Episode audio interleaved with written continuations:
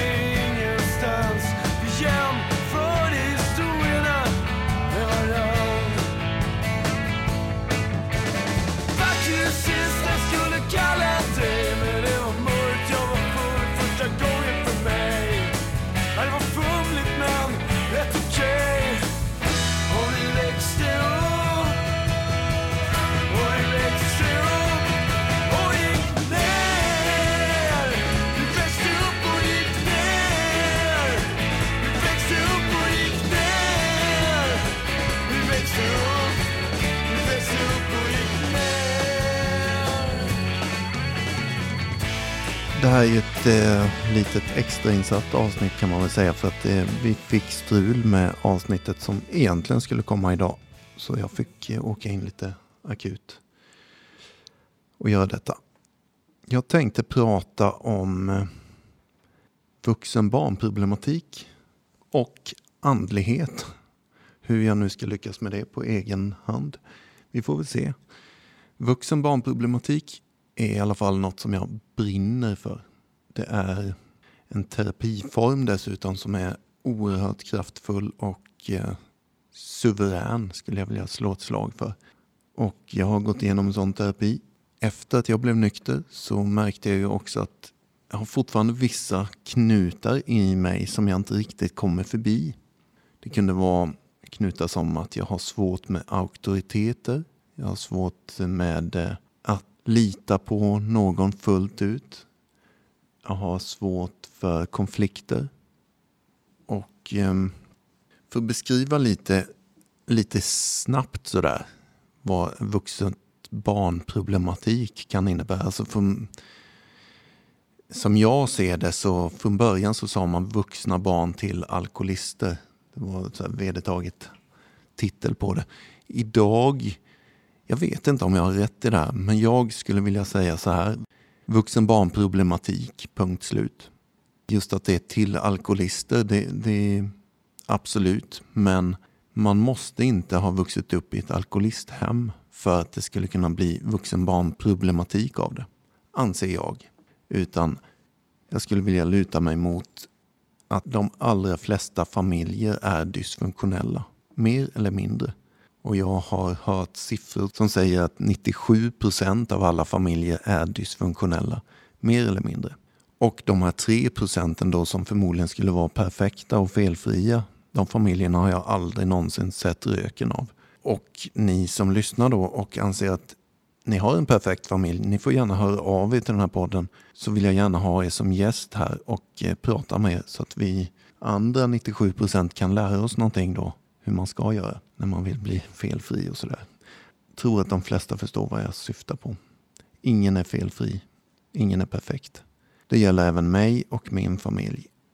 Och där jag växte upp i en liten håla, en liten ort, så var det dessutom så här, jag tänker inte hänga ut mina föräldrar på något sätt. De har gjort så gott de har kunnat med sina förutsättningar och sin uppväxt i sitt bagage och så vidare. och så vidare. Men för att beskriva en lite grann sådär, skrapa på ytan i alla fall, hur det såg ut, så var det så att jag växte upp med min mamma och med min stora syster. Min pappa minns jag inte knappt alls, utan han försvann tidigt. Idag har vi kontakt och jag tror till och med att han lyssnar på detta. Så ja, så är det. Men vad som händer i ett barn när en av föräldrarna kanske försvinner, det är ju inte ovanligt att detta sker. Men det händer psykologiska saker där och då. Ett barn som är tre år gammalt förstår inte så mycket bättre än att dit näsan räcker, höll jag på att säga, men att ta på sig en viss del av ansvaret i det här som händer. Det sås kanske ett frö i ett barn. Jag duger inte. En av mina gudar, föräldrarna då, lämnade mig. Det sås ett frö till som heter övergiven. Jag blir övergiven av en av gudarna. Det sås ett annat frö som kanske heter lite ensamhetskänslor och så vidare och så vidare. Det finns fler grejer att gräva i sådär om man vill. Men jag tänker bara beskriva lite grann hur det här funkar. För att det är så fantastiskt häftigt att få inse det här. Vad är det som händer när jag blir vuxen sen? Varför har jag svårt med auktoriteter? Varför har jag svårt med konflikter? Varför har jag svårt med att säga emot min chef? Det är inte jätteenkelt. Men varför är jag så jävla livrädd för? Jag tycker att chefen har fel i det här läget. Jag är livrädd liksom. Och, och det här blir ju då, efter att jag har nyktrat till så inser jag ju det här. Att ja visst, jag är nykter nu och jag mår jävligt mycket bättre. Men fortfarande så är det vissa lägen i min vardag så haltar jag liksom. Varför vågar jag inte bara säga nej? Jag håller inte med dig. Eller nu är jag rädd för att bli övergiven med min flickvän. Jag blir svartsjuk här nu. Vad, vad beror det på? Jag är snart 40 år gammal. Jag vill inte känna sådana barnsliga känslor. Men det sker. Det är ingen nykterhet som jag är särskilt eh, lockad av att gå runt med. Så att jag frågasatte det. Och tolvstegsprogrammet hjälpte ju givetvis suveränt mycket på de flesta sådana här känslor. Vi går igenom fjärde, femte steget, sjätte, sjunde och vi ber ödmjukt att avlägsna de här bristerna. Men ändå så kändes det som att någonting är ändå kvar. Det är så jäkla... Jag får verkligen kämpa med vissa grejer. Då gick jag in i en sån här vuxen så småningom. Och jag insåg ju då att eh, jag har alltså levt nästan hela mitt liv med dysfunktionella strategier som jag har utvecklat sedan barnsben för att slippa känna känslor som föddes i mig tidigt i livet. Som treåring så föddes de här känslorna. Och det är inga sköna känslor. Så ett barn är ju uppfinningsrikt och fantasifullt. Eh, hitta på strategier, psykiska strategier för att slippa känna den här smärtan. Varför är jag övergiven?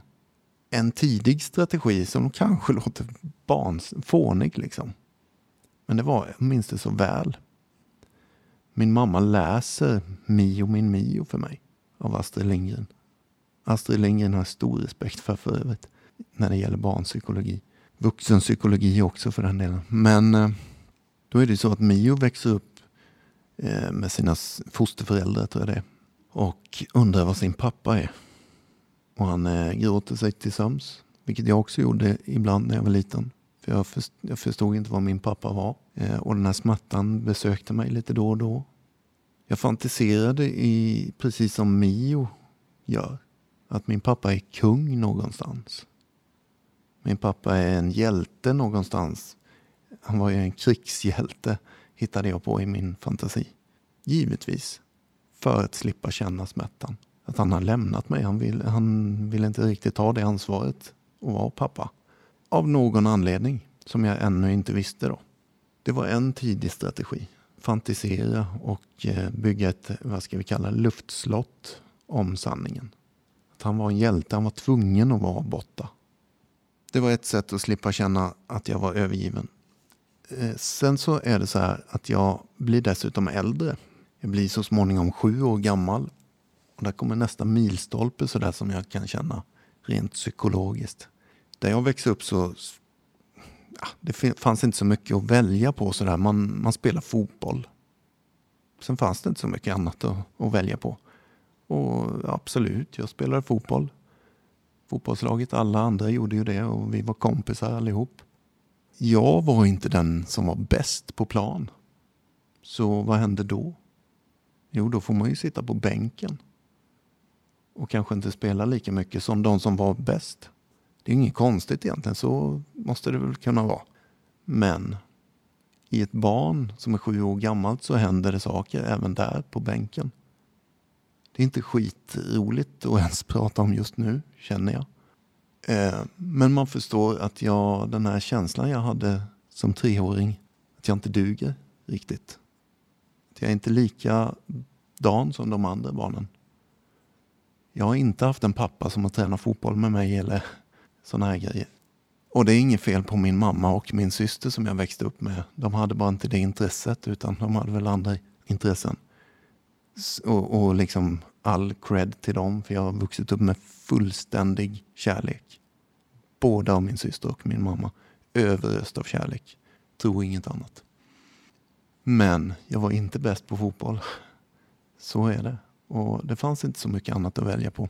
Så jag satt där på bänken. Jag ville inte bli utanför. Och här kommer vi till ännu mer vuxenbarnkunskap. Då. Om vi går tillbaks till när människan satt runt elden så finns det massa forskning på det om eh, grundläggande känslor som vi är utrustade med för att överleva som art på jorden. Och eh, en teori, eh, forskning som jag har lutat mig mycket mot i det här påstår att vi har åtta grundkänslor i oss. Nu kan inte jag dem i huvudet sådär. Men eh, det är givetvis glädje, ilska för att skydda oss när vi blir hotade. Det är nyfikenhet, det är intresse, det är, ja, nu kommer jag inte ihåg dem allihop.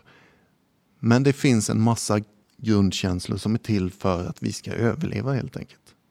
De känslorna måste vi ha för att överleva runt elden. Och vi är inte särskilt annorlunda idag. Utan vi har de här känslorna fortfarande. Sen är det så att någonstans på vägen så har vi utvecklat nya känslor runt detta som har blivit dysfunktionella. Alltså ilska är inget negativt utan det är någonting som är till för att skydda oss. Men vi har utvecklat ilska skevt någonstans på vägen. Så att vi har gått till attack eller vi använder ilska på helt fel sätt. Så att det är krig på jorden och det är ja, slagsmål på gatan eller vad vi än vill. Det är inte så vi ska använda ilska. Den är till för att skydda oss människor som art. För att vi ska överleva. Inte för att slå ihjäl varandra med. En av de värsta känslorna, nu vill jag komma till poängen, det är att bli utfryst från gruppen runt elden.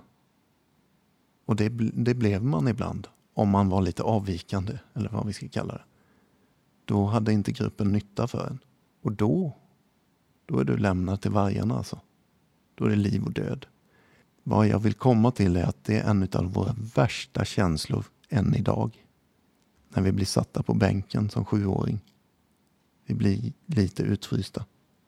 Inte helt och hållet, för vi får ju komma in ibland, men vi är inte riktigt med. Detta är ju allvarliga grejer egentligen när man pratar om det. Som kanske inte ett fotbollslag alltid har som avsikt att rikta mot ett barn. Det förstår jag med och det förstår vi som lyssnar. Men det kan vara tänkvärt att begrunda ibland. För mig var det definitivt inte kul att sitta där och vänta på att kanske få spela tio minuter av matchen den här gången. Kanske inte. Det fanns ju fler bredvid mig på bänken sådär, och jag kunde se på dem ibland att de tänkte samma sak, men vi pratade aldrig om det på grund av en enda anledning, misstänker jag. Vi skyddade oss mot den smärtan. Vi ville inte prata om det. Vi hittade på strategier, fantiserade om varför är det så här? Jo, det kanske är för någonting annat. Jag har ingen aning vad jag fantiserade om. Men de här strategierna i alla fall, de, de eh, blev starkare och starkare med åren och man växer upp och det kommer nya rädslor, nya faror nya eh, situationer som sådana här starka känslor gör sig påminda. Så småningom ska man bli kär för första gången kanske. Duger jag nu då? Jag är livrädd för att gå fram till den här tjejen som jag faktiskt är intresserad av. Eller ni vet hur det funkar. Rädslan bara dunkar i bröstet. så. Häller man då exempelvis alkohol på alla dessa känslor som man har skaffat sig i sin uppväxt? För min del så hände det så, en magi där. Alkohol bedövade de där rädslorna och känslorna. Så att jag plötsligt vågade göra massor med saker som jag innan inte vågade. Jag vågade säga nej, jag vågade säga ja, jag vågade gå fram till den. Jag vågade gråta öppet, jag vågade bli arg öppet. Massa grejer som jag hade blivit liksom på egen hand lärt mig att stänga av. Jag får inte bli arg här, jag är konflikträdd där, jag får inte gråta här, pojkar gråter inte och så vidare. Det kanske inte var något som min mamma, återigen, jag vill skydda henne här nu. Det är inte hon som har lärt mig att pojkar inte gråter. Det fanns andra vuxna som kanske uttryckte sådana saker. Mm. Jag vet inte hur vi ska gå vidare i det här snacket idag här nu, men jag provar att bara glida in lite på andlighet också. Får vi se om vi återknyter till vuxen-barn-problematik snart. Men jag vill utveckla lite. Jag har ju pratat om andlighet i några avsnitt sådär smått. Och det är sällan som man får chansen att faktiskt utveckla det bredare eller större. Och Det kan lätt missuppfattas när man säger att jag tror på Gud, vilket jag gör. Ni som har lyssnat mycket på den här podden, ni vet att jag inte är kristen exempelvis. Det har vi tjatat om i några avsnitt. Så att vi lägger det åt sidan nu. Gud för mig är lika med villkorslös kärlek. Och vad är då det? Jo, det är att kunna visa kärlek utan att någonsin kräva någonting tillbaks. Inte ha en baktanke med att jag gör något gott nu och sen så får jag något tillbaks. Inget sånt. Däremot så sköter Gud, som jag uppfattar Gud, resultatet. Om jag lever på det sättet, fullständigt i kärlek, i varenda handling, i varenda tanke jag har, bara 100% kärlek, villkorslöst, då kommer jag få ett resultat som är fantastiskt. Och det är ingen baktanke utan det är en naturlig konsekvens. Gör jag så som jag vill bli bemött och alla de här klassiska termerna. Det är ingen, det är ingen nyhet utan då mår jag bra. En av de bästa grejerna man kan göra det är att hjälpa en annan människa. Det har nog de flesta provat på någon gång. Det är en skön känsla man får inuti. Varför jag glider in på detta, jag vet inte riktigt men Villkorslös kärlek det består givetvis av ingredienser brukar jag säga. Det består av ärlighet, ödmjukhet, tillit, mod, respekt, tålamod. Alltså alla sådana här goda egenskaper står under det. Villkorslös kärlek. Det finns ju en annan sida av myntet som jag kallar för egot eller rädsla. Kan vi också säga. Och den innehållsförteckningen den är ju tvärtom egentligen. Lögner, manipulation, högmod, eh, brist på tillit, misstänksamhet, hat och så vidare och så vidare. Det som Gud, som jag ser det, har utrustat mig med, det är alla de känslorna, båda sidorna av myntet. Men han har gett mig en fri vilja att välja. Vad vill jag vara idag? Vad vill jag vara om en minut? Vill jag, vara på det, den sidan myntet eller den sidan myntet?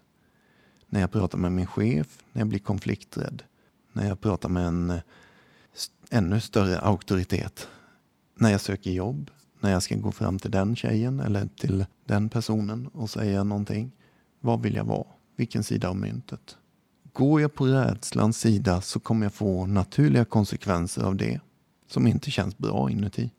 Går jag på kärleken, villkorslösa kärlekens sida så kommer jag få naturliga konsekvenser av det vilket känns bra. För att göra det väldigt simpelt så kan man säga så här att det är ingen konstig tillfällighet, ingen slump att det känns bättre att krama om någon och säga förlåt, jag älskar dig, du är fantastisk.